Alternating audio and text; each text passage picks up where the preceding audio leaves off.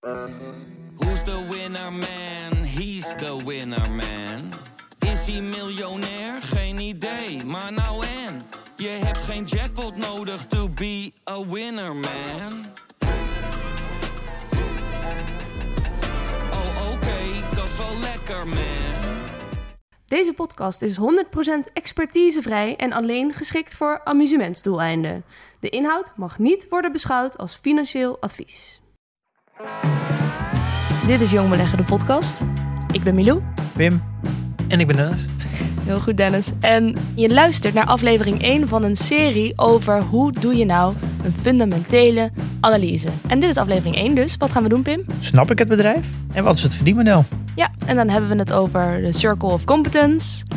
En hoe je aan een tienjarige uit moet kunnen leggen wat het bedrijf precies Ja, doet. en dat je het heel simpel kan uitleggen. En we gaan het praktijkvoorbeelden nemen hoe, eh, hoe je een bedrijf echt kan begrijpen en eh, wanneer je het echt niet begrijpt. Precies. Met Dennis dus. We gaan beginnen.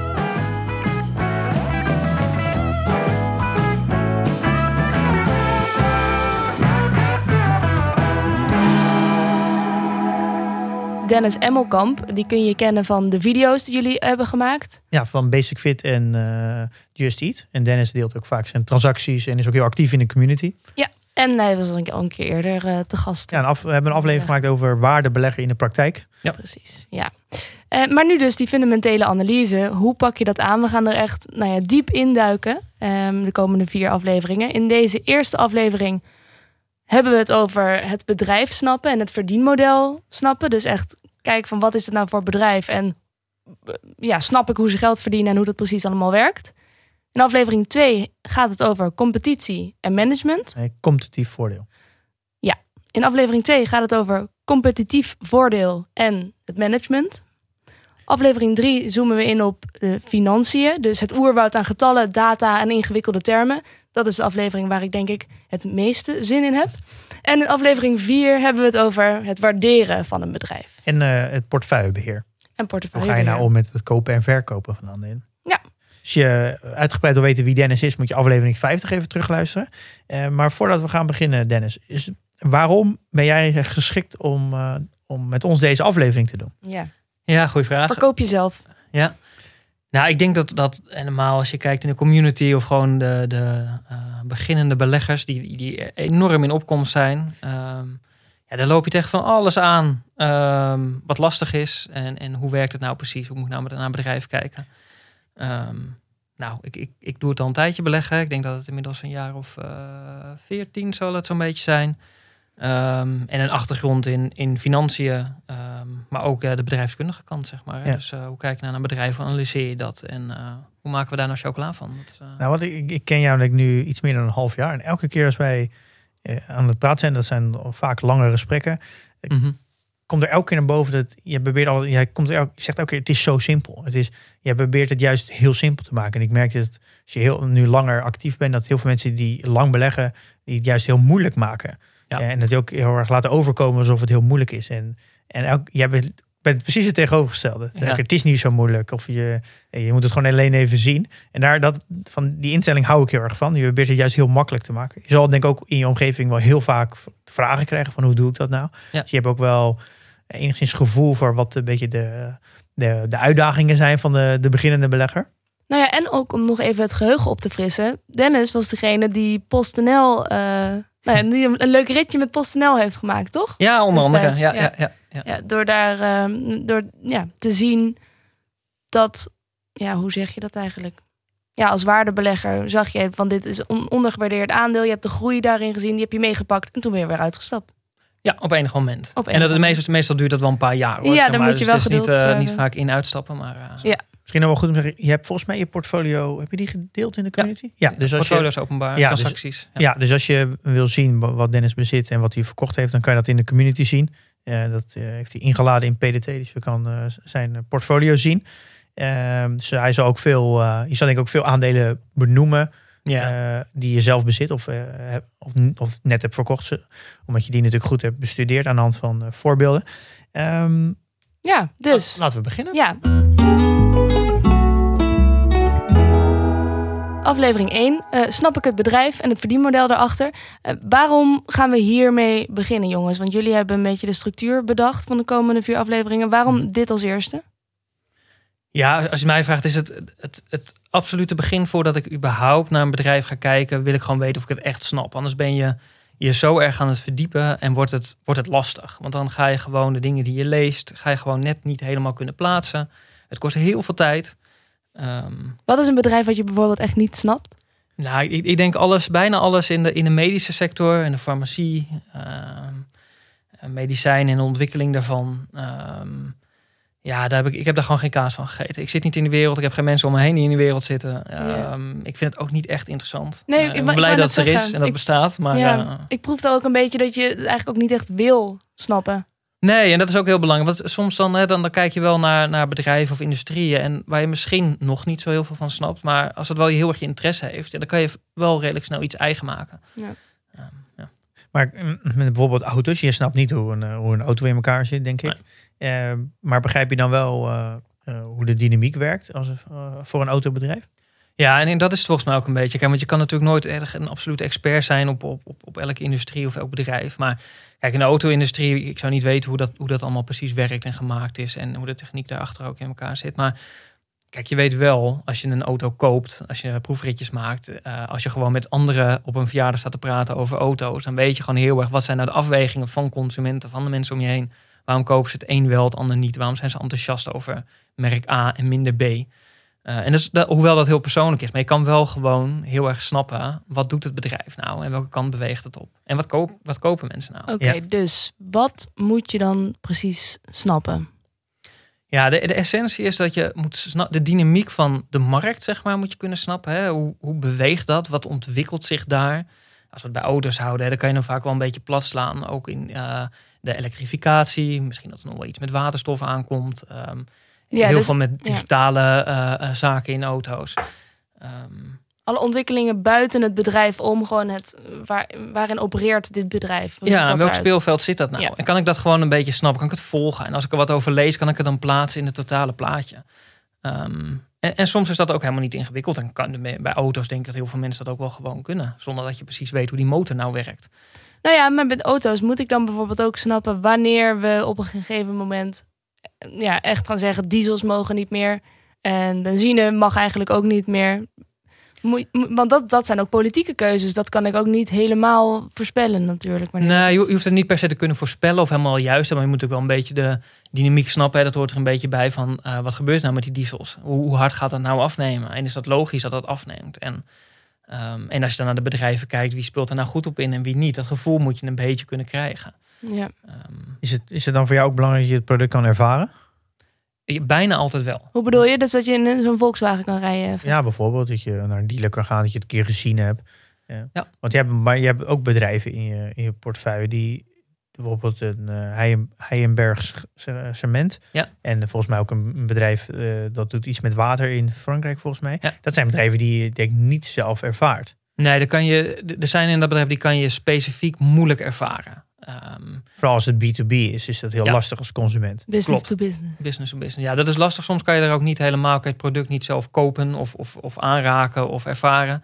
Ehm, maar dan nog zou je die nu kijken van cement en asfalt. Als je daar een klein beetje in thuis bent en in bouw en in civiele techniek, ehm, dan kan je daar wel een beeld bij hebben. En als je daar wat over leest en je kan het ook weer plaatsen in, een- in, een, in een groter geheel, ehm, is dat wel te doen. Hetzelfde Veolia's bijvoorbeeld. Hè, dat is, eh, die doet in water Ja, en in Veolia, afval. ja. ehm, eh, met name in Frankrijk, maar ze zijn inmiddels wel wereldwijd eh, actief.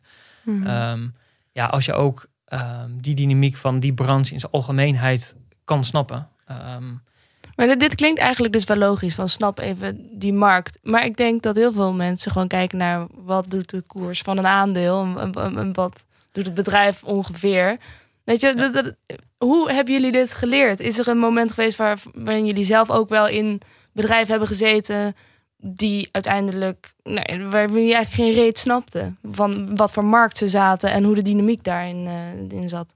ja, ik heb, ik heb vooral in de begintijd heb ik ook wel eens, hè, dan, dan eh, keek ik naar hey, wat, is de, wat is de koers van het bedrijf? Hoeveel winst maken ze? Hebben winst per aandeel? En dan nou, ging ik kijken wat de koers was. dacht van hé, hey, dat is niet zo duur.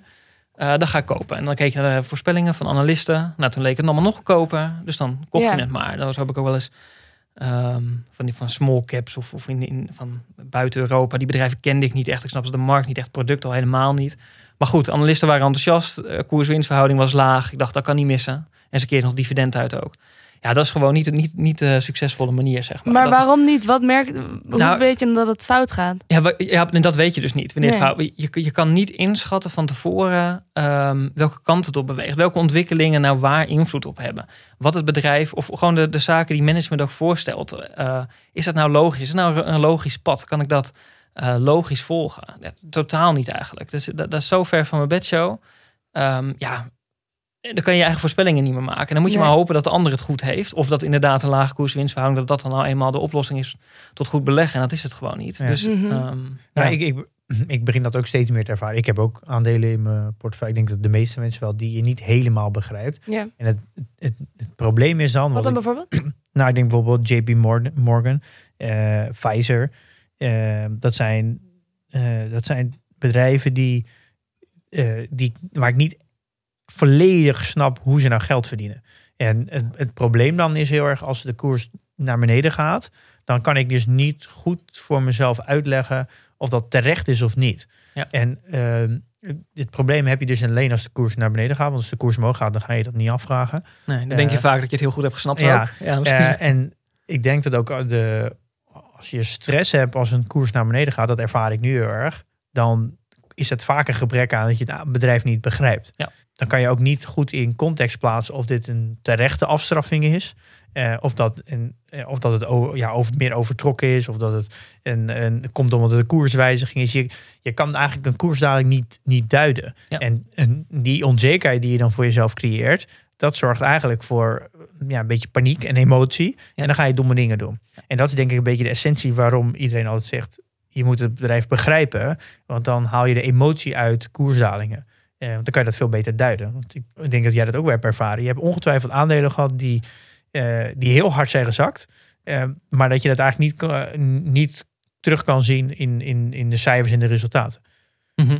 Ja, nee, ab- absoluut. Sommige bedrijven die, die gaan op sentiment of op, ehm, ja, ik weet niet, een keertje in een slecht kwartaal of een, of een incidentele tegenvaller of, ehm, ehm, nou, noem het maar op. En die zakt naar beneden. En kijk, als je het bedrijf begrijpt, kan je het plaatsen. Slaap je ook vaak wat beter, omdat je denkt, nou, dat komt hierdoor. En op lange termijn heb je een bepaald beeld en dat, dat, dat houdt vaak nog wel stand. Ehm, ja, als je het net niet snapt, dan sta je toch een beetje uit te kijken en dan sta je erbij en dan kijk je ernaar. En Ja. dan, ehm, ja, Nou, dat is zakken, wel zakken, zakken. Ja, dan moet ik heel erg denken aan eh, Pieter Lynch. Die ken je, nee, ik zie, Ja. In de voorbereiding heb je ook een aantal eh, quotes of een aantal referenties naar hem toe. Hij is daar ook heel erg van, van het maak beleggen lekker simpel. Was Lynch niet die leerling van Buffett? Of was het weer Eh, iemand nee, anders? volgens mij niet. Nee, niet per se. Nee. nee, nee. Eh, dat mensen meer tijd besteden aan het uitzoeken van een keuken Ja. eh, of een tv maar dan, dan een aandeel kopen. Eh, ik denk dat het grote verschil is ook voor mensen die wat langer beleggen. Die kunnen veel beter onderscheid maken tussen een aandeel en een bedrijf. Mhm. Dus een aandeel gaat natuurlijk heel erg over de, over de koers, over alle ratio's, over wat, wat gebeurt er, het nieuws. En het bedrijf gaat veel meer over, het is meer intern gefocust. Hoe, werkt de cultuur? Eh, ehm, wat is de verdiencapaciteit in de toekomst? Waar gaat het naartoe? Wat, wat is de visie? Wat is de filosofie van het bedrijf? Ik denk dat beleggers die wat langer beleggen, waar merk ik dat daar heel erg het verschil zit. Die kijken Ja. veel meer naar, daar, naar dat in, hoe het bedrijf intern is Ja, georganiseerd. die weten dat we er een stukje eigenaar van worden. Ja, Da- en- daar maar dat is echt een ze essentieel verschil. Je voel je je echt eigenaar, gedraag je als een eigenaar of gedraag je je meer als een, als een belegger. Ja. Maar bijvoorbeeld eh, Tencent, we, hadden- we hebben het in de voorbereiding even over gehad. Dat is een bedrijf waar jij dus niet in zou beleggen. Nee, en niet, niet omdat, ik, omdat ik denk dat het, dat het een slecht bedrijf is. Of omdat ik denk dat het eh, eh, duur is of goedkoop is. Ik heb, ik heb er weinig mening over. Maar dat is vooral omdat dat niet... Ik, ik snap het niet helemaal. Ik snap het niet echt goed. Als ik kijk naar de, de producten of diensten die ze leveren. ehm, ik kan ze niet echt zelf ervaren. Eh, ik kan erover lezen. Ik begrijp wel dat heel veel in het verlengde ligt van wat we hier in Europa of Amerika ook hebben. Ehm, maar ik hoor het niet om me heen. Ik kan niet, niet echt aanvoelen wat ze, eh, of alternatieven gaan komen. Die ga ik niet ervaren, niet uit eerste hand.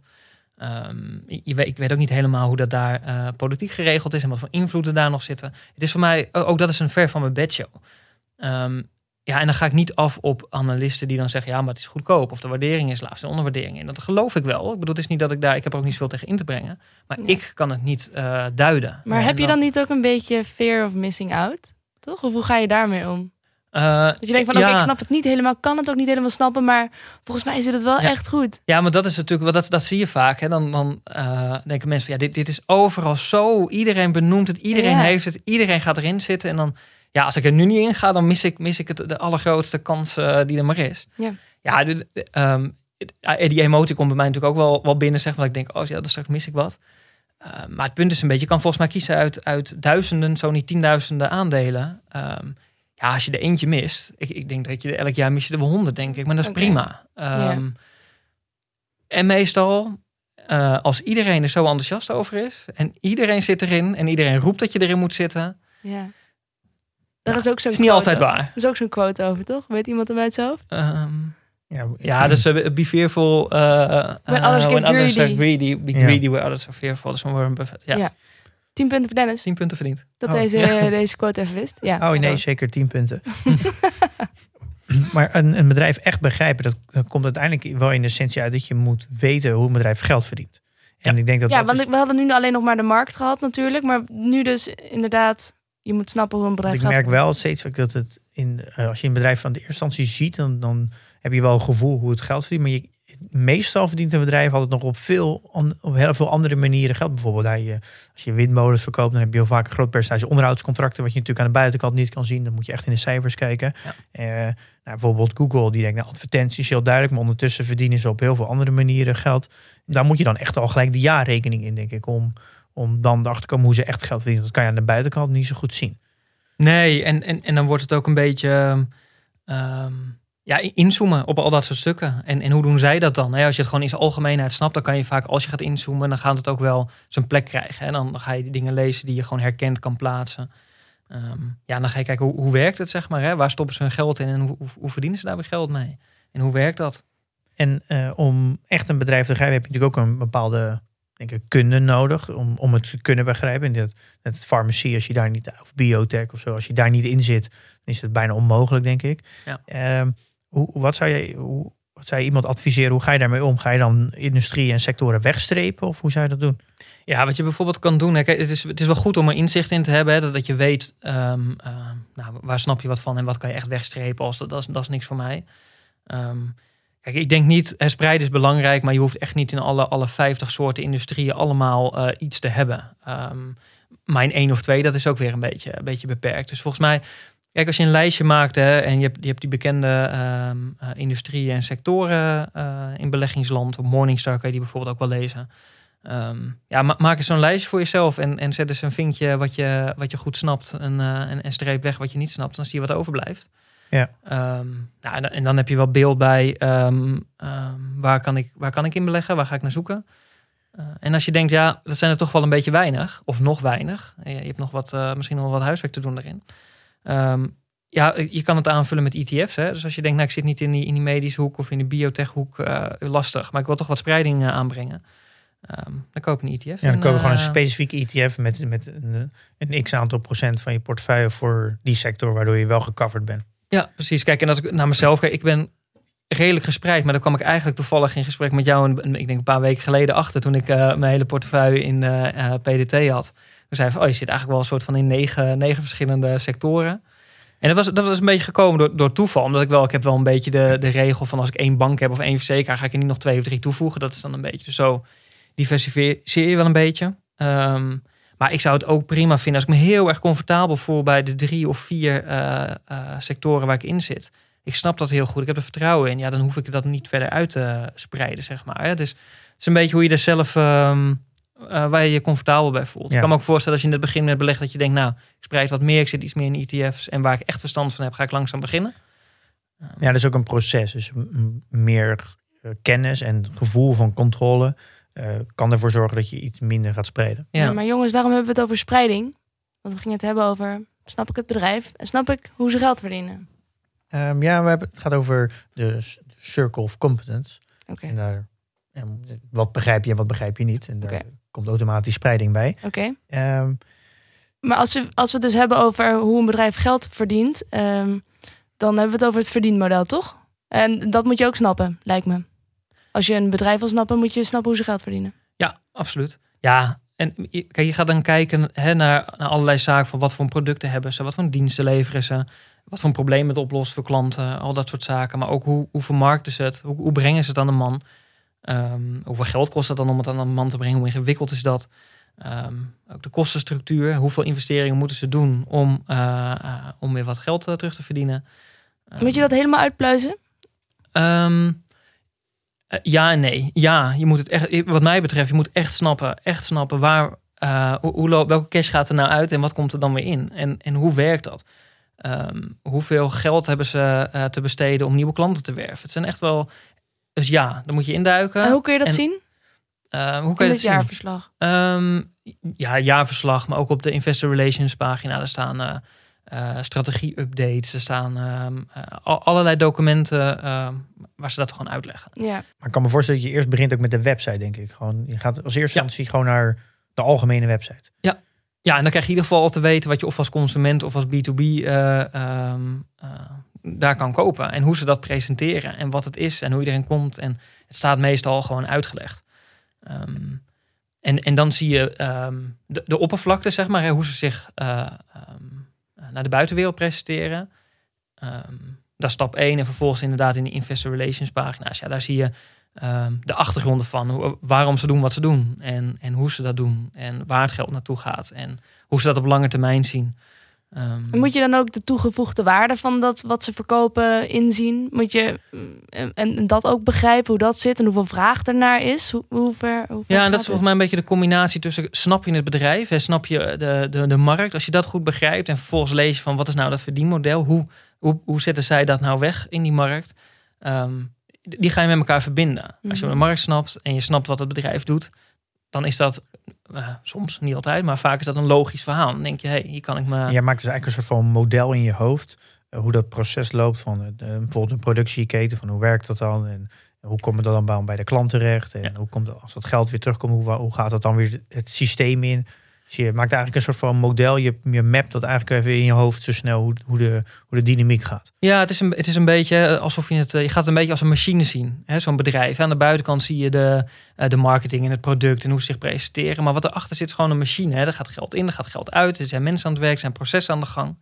Ja. Ehm, en die doen iets goeds. Die doen iets binnen die markt waar behoefte aan is of wat, wat een probleem oplost.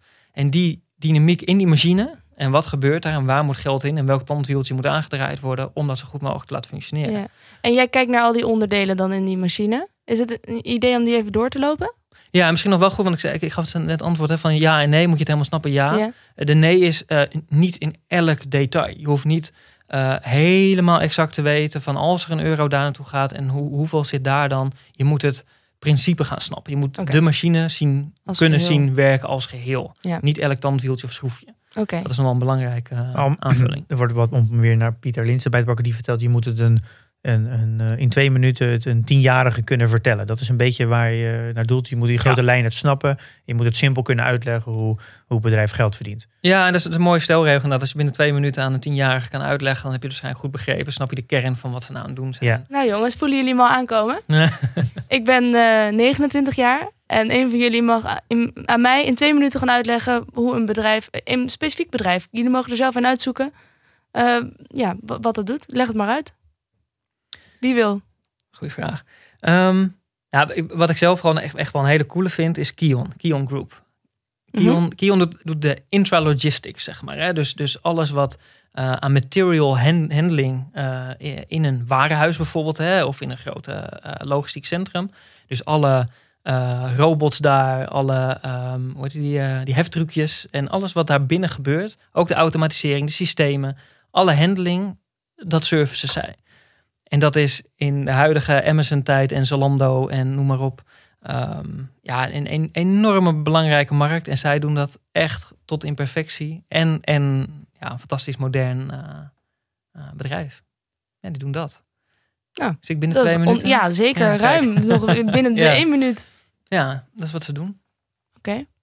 Nou, dat moet je dus kunnen. Pim, kun je ja, dat ook? Nou, ik, ja, waar zou ik wat over vertellen? Ik kan eh, Facebook wel even pakken. Ja, doe eens. Eh, nou, Facebook connect zoveel mogelijk mensen met elkaar. Eh, zodat ze met elkaar in contact kunnen blijven. Eh, en ondertussen verzamelen ze heel veel data, zodat ze precies weten hoe elk persoon in elkaar zit. En daar kunnen ze daardoor heel goed advertenties op elkaar afstemmen. En in de toekomst gaan ze dat verder uitbreiden. Dus dat alle mensen die met elkaar geconnect zijn, die ook dingen onderling met elkaar doen, zoals een dingen aan elkaar verkopen, dingen kennis uit, uitwisselen en misschien straks ook uh, spullen van uh, commercieel spullen verkopen. Dus eigenlijk alles wat te maken heeft met uh, twee mensen die bij elkaar komen en die iets doen. Nou, in het begon met communicatie en elkaar op de hoogte houden van wat je de hele dag aan het doen bent, gaat straks ook uitgebreid worden naar andere bijvoorbeeld producten verkopen. En ondertussen en weten ze steeds meer over, over iedereen. En daar kunnen ze specifieker advertenties op afstemmen. en dat doen ze voor 3,5 miljard mensen. Dus dat is, dat is bijna de hele wereld buiten China. Ja, Ja. dat is het. Maar eh, ik mis daar nog wel dan wie dan de klant is, toch? Dat moet je misschien ook vertellen. Wie is de klant van? Wie, hoe ontvangt Facebook geld? Eh, dat zijn eh, bedrijven en heel veel kleine bedrijven. Dat zijn adverteerders. Ja. Ehm, ik het verschil is dat vroeger kon jij op tv adverteren. Dus dat waren maar eh, denk ik een paar honderd bedrijven die daar de budget voor hadden. Dus je moest een, eh, een hoge opstap. En door Facebook kunnen dus heel veel kleine bedrijven, dus eigenlijk MKB'ers. eh, Volgens mij Facebook meer dan 20 miljoen adverteerders. Die kunnen dus met een heel klein budget toch een doelgroep bereiken. Ja, en bij Kion is misschien ook wel goed hè, om uit te leggen, ook aan hoe verdienen ze dan geld en waarom is het zo slim. In die hele B2B-markt is het natuurlijk heel eh, nuttig en slim voor bedrijven die, die gebruik maken van die warehouse en intralogistics. Om dat super slim te doen, efficiënt te doen. Ehm, en, en hoe slimmer ze dat doen, hoe ehm, eh, beter zij zich weer in de markt kunnen positioneren. Ja. Eh, in ieder geval qua prijs ook. En Kion doet, doet, omdat ze dat hele scala doen, heb je ook nog eens een soort van dat verticale verkoopmodel. Hè? Als je het ene verkoopt, ben je, ben je al een leverancier. En vervolgens kunnen ze dat uitbreiden naar de systemen en naar de Ja. automatisering. Ehm, nou, dat doen ze. Dennis, heb jij recent een bedrijf gehad dat je aan, eh, aan het analyseren was dat je niet begreep? Nou, ik, ik heb eh, een tijdje geleden heb ik zelf eh, AMG bijvoorbeeld gehad. Hè? Die zat in ehm, ehm, eh, allerlei eh, materials, zeg maar, hè? die delven grondstoffen. En ik merk gewoon, inmiddels heb ik het ook niet meer, is ook een beetje omdat ik het op een gegeven moment slechter begon te begrijpen. Op een gegeven moment zag ik gewoon de, ik kon niet helemaal meer plaatsen waarom die grondstofprijs naar omhoog ging, omlaag ging, hoe zij er nou op inspeelden. Het werd, werd echt wel een beetje lastig voor mij in ieder geval. Ehm, en zo heb ik ook gekeken naar, naar allerlei andere bedrijven die of nou in, in de koper zitten of in de staal of in de, nou, noem de grondstoffen maar op. Ehm, ja, bijzonder lastig. Anglo-American bijvoorbeeld, want dat, dat lijkt ook een heel interessant aandeel, in ieder geval qua waardering ook, dus ga je toch een beetje naar kijken. Maar dan heb je te maken met, met hoe zit het nou met die grondstofprijzen? Eh, hoe zit het op lange termijn met die grondstof? Hè? Hoeveel, hoeveel vraag gaat er in de toekomst naar zijn? Ja, en dan, dan kom ik eigenlijk weer een beetje uit. Ja, kan ik daar enige voorspelling bij doen? Kan ik dat echt helemaal de gronden? Snap ik dan wat zij aan toegevoegde waarde leveren? Ja, behalve dat ze dan zeggen dat ze kostefficiënt zijn, dat soort zaken. Maar snap ik dat dan en hoe dan? En waarom zijn zij dan beter of goedkoper dan de ander? Ja, daar kom ik gewoon niet zo goed uit. En ik denk dat als je in de industrie zit of je hebt heel veel affiniteit mee, dan lukt dat waarschijnlijk. Dan kom je heel eind, denk ik. Ja, ik, niet. Dus ik ben daar ook wat, ehm, ehm, nou, wat verder vandaan gegaan. Dus eigenlijk het, het- alles wat te maken heeft met grondstoffen. eh, daar, best, daar doe je nu wat meer afstand van. Neem je wat afstand van. Eh, ja, behalve kijk, olie bijvoorbeeld, heb ik het idee, weet je, dat is iets voor mij iets begrijpelijker. Ehm, hoewel daar ook natuurlijk wel heel lastig voorspelbaar, dat wel. Maar goed, enige ehm, inschatting of, of nadenken over wat gebeurt nou met olie over 10 jaar of over, en over 50 jaar. ehm, dat is een iets minder ver van mijn bedshow. Ehm, alleen als het zit in eh, het delven van eh, koper, eh, eh, kobalt en eh, eh, nog meer van, eh, of de rare earths, zeg maar. Hè.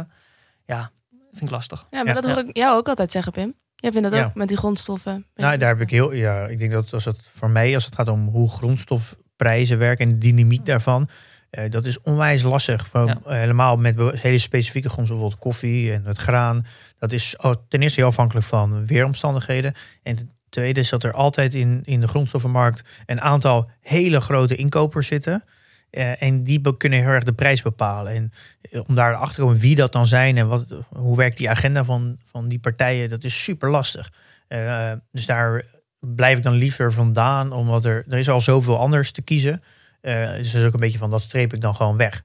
En ik, voor mij is dan olie, ik begrijp dat ook iets minder goed als ik denk op lange termijn zal ik denk daar ook weg van blijven, omdat ik dat gewoon iets minder goed begrijp hoe dat precies gaat ontwikkelen. Ehm, en ik, mm, ja, ik deel daar wel erg de mening van, eh, van Dennis. En ik vind dat met valuta precies hetzelfde. Alles wat met valuta te maken heeft, is zo lastig. En, en rentes en zo, hoe dat precies gaat, precies gaat ontwikkelen. Dus bedrijven die daar ook heel gevoelig voor zijn, zou zou ja, daar zal ik ook wel een beetje van wegblijven.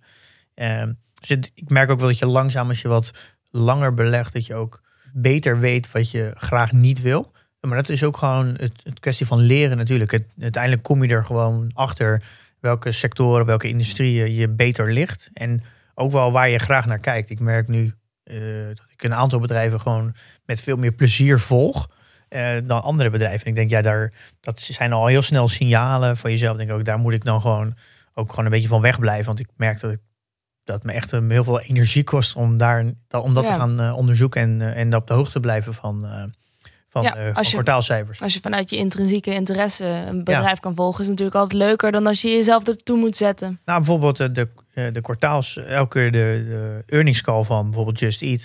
Ik vind dat heel vermakelijk. Ik kan daar wel van genieten. Ik pak een bak koffie, ga daar zitten luisteren. Ik vind dat heel leuk om naar te luisteren. Hoe dat, eh, maar dat komt ook omdat het...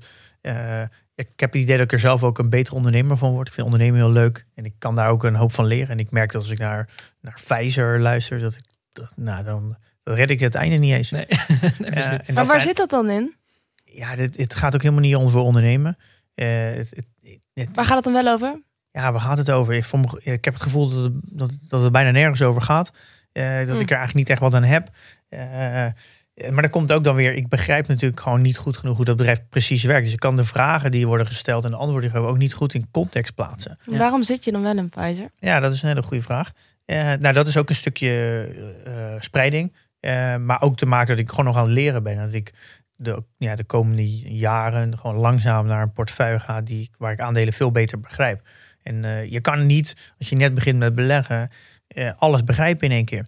En daar ben ik ook van naar 43 aandelen gegaan. Ook gewoon een stukje als, ja, voor, je, voor je gevoel als een stukje risicomanagement. Dat je maar gewoon in ieder geval alle sectoren hebt en alle soorten bedrijven. En wat grote bedrijven.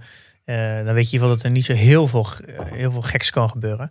En naarmate je langer belegt, gaat, gaat steeds meer je, je identiteit en eh, je eigen filosofie terugkomen in je portefeuille. En dat kan soms maar gewoon, ja, dat kan prima een paar jaar duren. Eh, Ja. ja. dat ben ik ook langzaam naartoe ontgaan. En ik merk dat ik, ja, technologie is iets wat ik gewoon heel goed begrijp. En dat is iets wat ik ook heel leuk vind.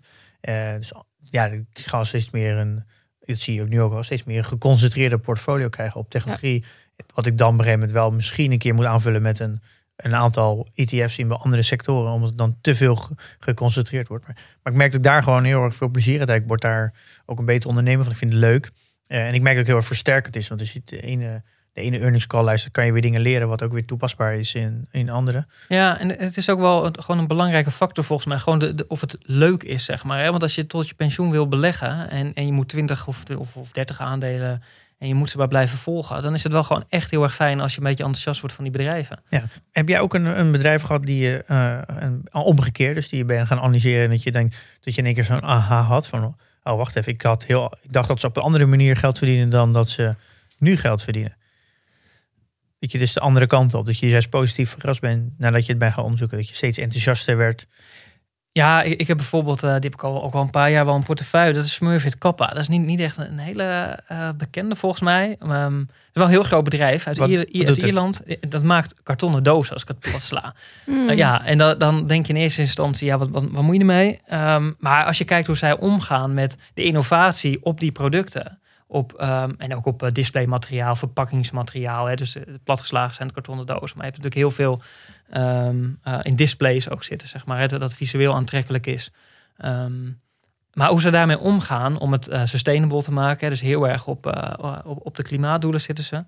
Ehm, maar het, het blijft maar groeien. Ehm, en het zit, in retail wordt het natuurlijk veel gebruikt, maar helemaal in het, ehm, eh, het, het verzenden van zaken. Is, er- Grappig dat je het over kartonnen dozen hebt. Bij ons op de redactie zeiden we altijd als we niet zo goed snappen wat iemand nou precies doet de hele dag. Dan noemen we hem de chef kartonnen, Kartonnen nee, dozen, ja. of, of lege dozen. De chef Ja, lege ja, ja, dozen. ja. Ja. De hele dat je de doos aan het verschuiven is de hele dag. Maar dat doet dit bedrijf dus. Letterlijk. Ja, die doet alles in. eh, eh, wat van karton, papier, eh, displaymateriaal, verpakkingsmateriaal. Ja, ja nou, en dat doen, ze, dat doen ze echt. En daarom werd ik enthousiast als je daar gewoon de filmpjes kijkt en de, en de stukken leest. En hoe, die, hoe dat het management daar ook erover praat. Ja, dat is echt. eh, ik werd er echt enthousiast van. Nog Ja. steeds als ik eh, daar ook wat eh, van lees. Dan Ja, denk ik gaat van, helemaal oh, dat, stralen. hè, ja, ja, ja, dat Maar- maar- bedrijf het zit zo goed in elkaar. dat is wat- echt leuk. Wat Ja. is er dan eh, wat je ontdekt hebt tijdens je onderzoek van, mm, snap ik het bedrijf, wa- waar je zo positief over werd? Wat, wat heeft je positief verrast?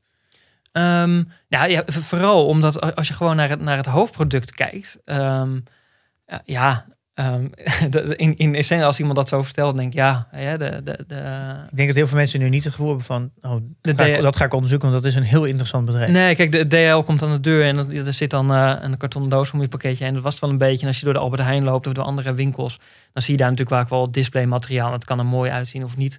Maar het is, kijk, ik zou eigenlijk eh, iedereen gewoon wel willen uitnodigen van eh, ga eens naar die site, naar die investor relation page en eh, eh, klik daar die filmpjes aan en kijk wat voor een engineering ze erop doen en hoe, hoe eh, enorm veel ook in R&D gaat zitten. In dat, het is gewoon echt, ik ben enthousiast van iets wat simpel lijkt, maar waar een heel groot echt vakgebied en, en, eh, achter zit. Ja. Waar mensen zich ehm, eh, ja, met een soort passie helemaal... eh, Ja, dat is misschien wel. Het lijkt aan de buitenkant heel simpel, maar Ja. de, de, de complexiteit erachter is heel groot. Eh, maar dat is het mooie eraan dat ze dus iets, een heel complex proces, dus uiteindelijk heel simpel als uit, eh, in uiting hebben. Eh, is, dat, is dat ook iets waar je daar, daar vaak naar zoekt, naar bedrijven? Soort, soort bedrijven? Ehm, nou, niet, per se dat ik, dat, ehm, eh, dat ik daar begin, zeg maar, van hè, zo is, moet het zijn. Maar ik moet wel, als ik in mijn zoektocht, hè, want zoektocht is meestal gewoon het aanklikken van van alles en nog wat. En op een gegeven moment, of van de krant lezen.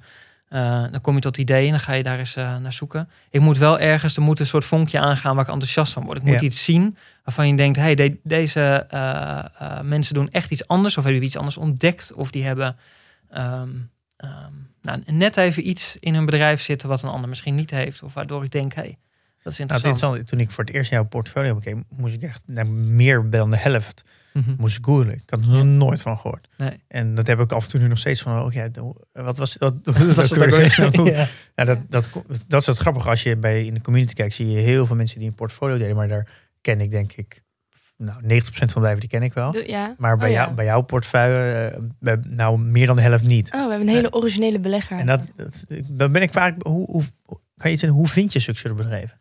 Nou, ik had bijvoorbeeld, en er is ook eentje waar ik ook heel enthousiast over. Dat is Archer Daniels Midland. Dat is een ehm, agrarisch bedrijf.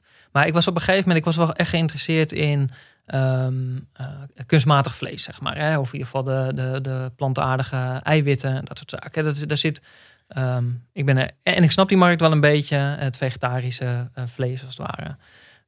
En ik ben er zelf enthousiast over. En als ik naar de lange termijn kijk, geloof ik ook dat daar enorm veel groei en kansen zitten. En dan ga je kijken naar van wat voor bedrijven zitten nou in. Dan kom je bij Beyond Meat en nog een paar van dat soort eh, eh, bekende bedrijven.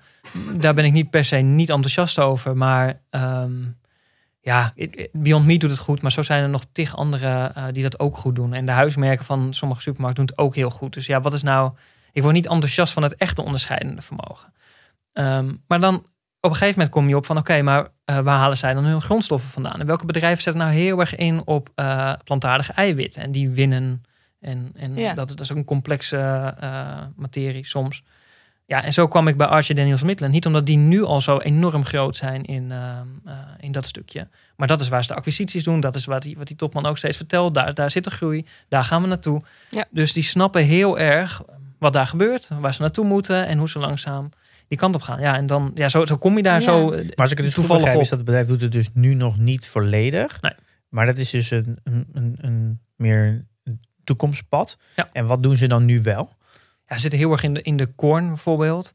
Maar ook eh, in advisering, services, dat soort zaken. Maar ook heel erg in de, ehm, het logistieke deel. Ja. Dus gewoon om dat hele agrarische traject. En ook het logistieke deel van, van vooral voeding. Dat is ook een, eh, dat is niet zomaar dingen in een vrachtwagen stoppen. Er zit een soort van, eh, safety is heel belangrijk.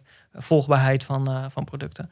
Ja, daar zijn ze ontzettend groot in. En dat doen ze ontzettend slim en efficiënt. Maar als ik dus Ja. goed begrijp, zit je dus in dit bedrijf vooral op de, de visie die wordt, eh, die wordt uitgestraald door, door het management. Het is heel erg, als je die topman ook, ook hoort praten, hè, die zit heel erg op, eh, op die toekomst, zeg maar. Ook heel erg op sustainability weer enorm, hè. Dus Die, die richt zich daar heel erg op.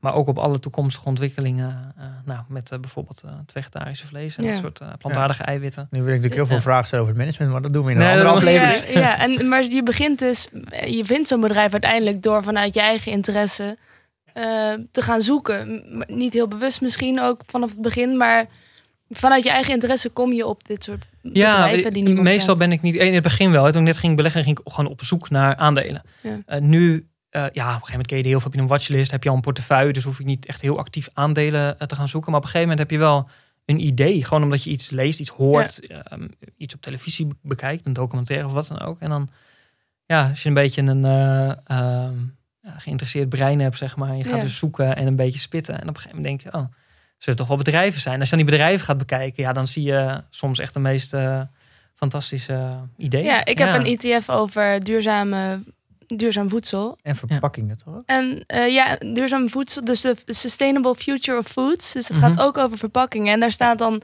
heb je gewoon een hele lijst met hele interessante bedrijven voor Ja. als je daarin geïnteresseerd bent. Ja. Dat is wel heel leuk. Misschien ja. staan die er ook wel tussen. Misschien, ja, Beyond Meat staat er in ieder geval tussen. Dus, Is het eh, een, ja. eh, ook DSM staat er bijvoorbeeld ook tussen. Ja. Die doet Ja. natuurlijk daar ook heel veel in. En Deer in de landbouw. John Deere, ja. ja. heb ik ook al even gehad. Ja, heb ik al even verkocht, maar die, eh, ja. Is het ook zo dat je bent nu 14 jaar belegger? Heb je ook vaak gehad dat een aandeel. je gaat, we gaan het later over waardering, maar je waardeert een aandeel, komt er fair value uit. En dan op een gegeven moment, als het te, te ver erboven zit, eh, of om nabij je fair value, dan verkoop je het. Als je een ander aandeel vindt wat goedkoper is, is het dan ook zo dat je een aandeel bijvoorbeeld na vijf jaar weer wel weer aanschaft, omdat de waardering eh, bijvoorbeeld weer eh, de fair value weer ruim boven de koers zit? Gebe- Gebeurt dat bij jou wel eens? Dat je aandelen soort van, noem het een beetje recycled eigenlijk?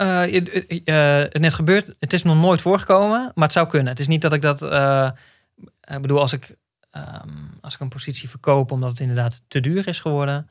Ehm, maar ik, ben nog steeds, ik kan nog steeds enthousiast zijn over het bedrijf. Alleen ik vind de prijs echt niet meer waard. Als dat echt verder boven zit, dan, dan neem ik afscheid van. Ja, als het dan weer lager staat, dan, eh, dan, ben ik ja, zeer bereid Maar dat is nog niet eerder. eh, Nee, het is eigenlijk nog niet. eh, ik heb nog nooit, een, nog nooit een holding verkocht en later weer gekocht. En kijk je dan ook. leuk en, recyclen. Ja. ja, Ja, en kijk je ja. dan ook naar de sector. Als je bijvoorbeeld naar ASR, eh, dat, dan zit je dus in de verzekeringen. Dan heb je waarschijnlijk ook, dan weet je, weet je de dynamiek van hoe werkt verzekeren. Ja. Eh, dan ken je al, heb je al heel veel onderzoek gedaan in die industrie. En dat dan heel specifiek voor ASR. Maar dan is het natuurlijk, als ASR op een gegeven moment boven jouw fair value komt, dan is het natuurlijk niet heel gek om dan te kijken naar een andere verzekeraar. Omdat je die industrie namelijk heel erg kent. En dan, eh, dan kan het zijn dat een andere verzekeraar ver onder een fair value zit. Heb je dat wel eens gehad dat je dan wisselt van, van bedrijf? Nee, ook niet volgens mij. En misschien is dat ook wel. ehm, ik denk dat het niet heel vaak voorkomt dat als, als de ene verzekeraar heel erg duur is, dat er dan een ander is die, van vergelijkbare kwaliteit die dan heel goedkoop is. Dat zie je toch wel een beetje samen oplopen. En als er echt een gat tussen zit, ja, dan, dan, dan zit er vaak ook nog wel een verhaal achter waar je dan weer eh, eh, naar moet kijken. Dus ik, ik heb dat specifiek nog niet eerder gehad. En het is overigens ook, bijvoorbeeld ASR hè, als verzekeraar. Ehm, het is niet zo dat ik eerst twintig verzekeraars met elkaar ga zitten vergelijken. Ze allemaal gaan zitten uitpluizen. Op een gegeven moment, ehm, ik, ik, snap hoe het werkt, verzekeringsland als consument, maar ook wel een beetje gewoon de, de, eh, het financiële deel wat erachter zit. Ehm, maar vervolgens kijk ik naar de verzekeraar, vind ik hem interessant, vind ik hem ondergewaardeerd, koop ik hem. Ga ik hem niet, ga ik niet nog eens een keertje drie weken zitten, eh, avonden zitten blokken om, Ja. eh, om nog andere verzekeraars te bekijken. Op een gegeven moment is goed is goed genoeg. Ja, maar ik kan me wel voorstellen dat het, het, het be- bedrijf snappen gaat ook steeds sneller. Want als jij natuurlijk een, een gegeven moment heel veel tijd besteed hebt om ASR goed te kennen, dan ken je ook de dynamiek van verzekeren goed. Je weet hoe dat precies werkt. Dan is Ja. het natuurlijk de, eh, eh, om in de toekomst, als ASR op een gegeven moment weer uit je portfolio is, om in de toekomst weer een verzekeraar toe te voegen, is natuurlijk relatief makkelijker. Ja. Want je kent al de, de complete dynamiek in, eh, in die industrie.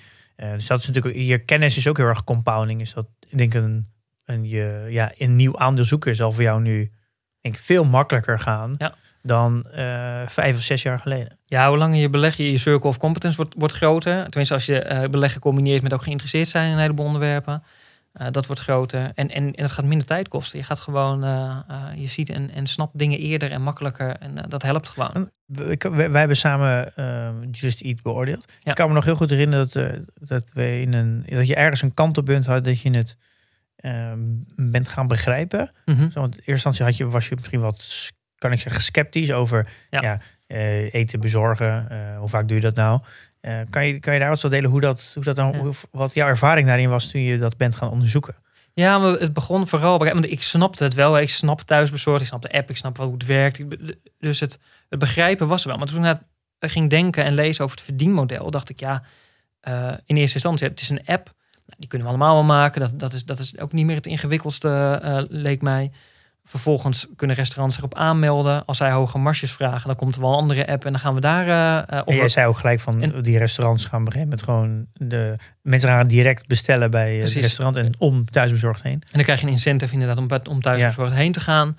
Ehm, nou, de- of de prijzen worden hoger bij thuisbezorgd. Ik, ik, ik kon van alles bedenken waardoor ehm, nou, het businessmodel misschien helemaal niet zo heel erg duurzaam was vooral. Ehm, maar ja, en dat is een beetje ook in, na onze gesprekken. En als je er wat dieper induikt en snapt van hoe werkt het nou echt. Ik geloof hè, ook de uitspraken van eh, ja, op het moment dat er een bezorgrestaurant eh, de, het platform thuisbezorgd in fietst, dan komen er volgens mij gaat de omzet met 100.000 euro omhoog of zo. Hè? Zoiets, eh, dat Ja. soort gemiddeld. Ehm, ja, dan ga je in één keer waarde toevoegen in zo'n keten. Ehm, als, je, als je nieuw wil beginnen, ja, succes. Waar ga je je, je je klanten vandaan halen? Dan, dan zit je al een beetje aan dat soort platforms vast. Ehm, nieuw ertussen komen, nou, dat gaat bijna niet. Dan moet je al dat, hele netwerk aan restaurants gaan opbouwen. Dat, dat is onbegonnen werk bijna. Ja, en, en zo, en er zijn er meer argumenten, zo, zo kan je doorstapelen, dat je op een gegeven moment denkt, ja, hier zit gewoon een moot in. Een moot, als in, daar kom je niet zomaar tussen. Het, het levert toegevoegde waarde, eh, ondanks dat het ook wel kritiek is, hè, dat het wat duur is. Of, maar het levert ergens toegevoegde waarde voor een restaurant. Ehm, ja, dan, dan, dan verandert dat. Dan verandert je beeld van, eh, eh, van het verdienmodel eigenlijk. Het is heel mooi om dat te zien. Dat je, dat je heel erg open staat voor. Je hebt in eerste instantie gewoon een, een, een, ja, een beeld. Dat, dat was, had je uitgesproken. Ja. En naarmate je aan het onderzoeken was, eh, stelde je eigenlijk je eigen beeld en je mening bij het bedrijf. Vond ik heel mooi om te zien. Dat je, Ja. eh, Ja. eh, vind je dat ook een hele belangrijke, belangrijke vaardigheid voor beleggers? Dat je die, die openheid hebt? Ja, enorm. En vooral omdat, kijk, volgens mij is de mens heel erg gewend om op een gegeven moment, als je een bepaalde opvatting hebt, ehm, ja, die ga je dan ook bevestigd willen krijgen. Hè? Dus daar ga je een beetje naar op zoek en dan, dan ehm, eh, beperk je je heel erg. En er komt ook nog, en dat is, dat is ook nog een keertje, hè? Je, eh, je hebt op een gegeven moment een beeld. En het is niet eens altijd het beeld dat het management bijvoorbeeld heeft, of hoe het verdienmodel er echt in elkaar zit. Ehm, het is echt belangrijk. Je moet het een beetje gaan objectiveren, hè, als het ware. Je moet echt, het moet, het moet er staan. Je moet het lezen. Eh, ik hoor heel, heel regelmatig mensen om me heen die zijn dan aan het vertellen hoe zo'n verdienmodel voor het bedrijf geld verdient. En dat is heel erg gebaseerd op wat ze denken, wat ze misschien zien, wat aan de buitenkant lijkt. En dan ga je lezen en dan denk ik, nou, dat zit toch wel een beetje anders. Het, het is echt belangrijk om daar. ehm, ja, en dat is lastig, hè? Ik bedoel, we zijn allemaal mensen, maar om dat, om dat een beetje objectief eh, te houden voor jezelf. En daarover open te staan. Hè? Dat is, en dat is bij elk bedrijf. Het is ook, ik, ik heb zelden dat ik echt ook tot de conclusie kom: dit is eh, geen goed verdienmodel of dit is eh, niet. Maar dan vind ik kan mezelf er nog niet van over. Dat is een beetje het punt. hè. Ik kan mezelf er niet van overtuigen dat, dat het goed is. Of, dus dan is het niet, niet goed. Ehm, alleen ik ben er niet van overtuigd. Dat is wel een belangrijk verschil. Ja. Het is Ja. mezelf dat ik negatief op een aandeel ben of negatief over een bedrijf.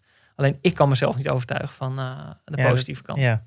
Je had het even over die zoektocht. Van hoe ga je nou kijken naar eh, eh, ja, je zoektocht naar het bedrijf snappen. Waar begin je? Heb je tips om waar, hoe je dat aanpakt? Ben je gewoon een beetje lukraak aan het klikken? Of zit er wel een soort van structuur in? Ehm, nou, als ik eenmaal een idee heb, dan wordt het niet meer lukraak klikken. Dan ga ik, dan ga ik gewoon eh, specifiek. En dan is eigenlijk de volgorde is inderdaad eerst even naar de website, de algemene website, om een idee te krijgen. Vervolgens ga je naar de Investor Relations eh, pagina. Dan ga je eigenlijk de stukken die daar staan, of het nou de strategiestukken zijn, een kwartaalrapportage, een jaarrekening. Ehm, daar ga je zoeken naar het verdienmodel. Hoe verdienen ze hun geld? Snap ik dat? En ook vooral, en dat is nog wel belangrijk, zie ik dat verdienmodel, is dat over tien jaar nog steeds houdbaar? Is dat iets Ja. wat op lange termijn werkt? Daar ga je naar kijken. Ehm, eh, ja, dat. Als we het hebben over gewoon snap ik het en het verdienmodel, dan zijn dat de twee ehm, Ja. ja, basisstappen. Ja. Nou goed, dan eh, horen wij jou volgende week weer.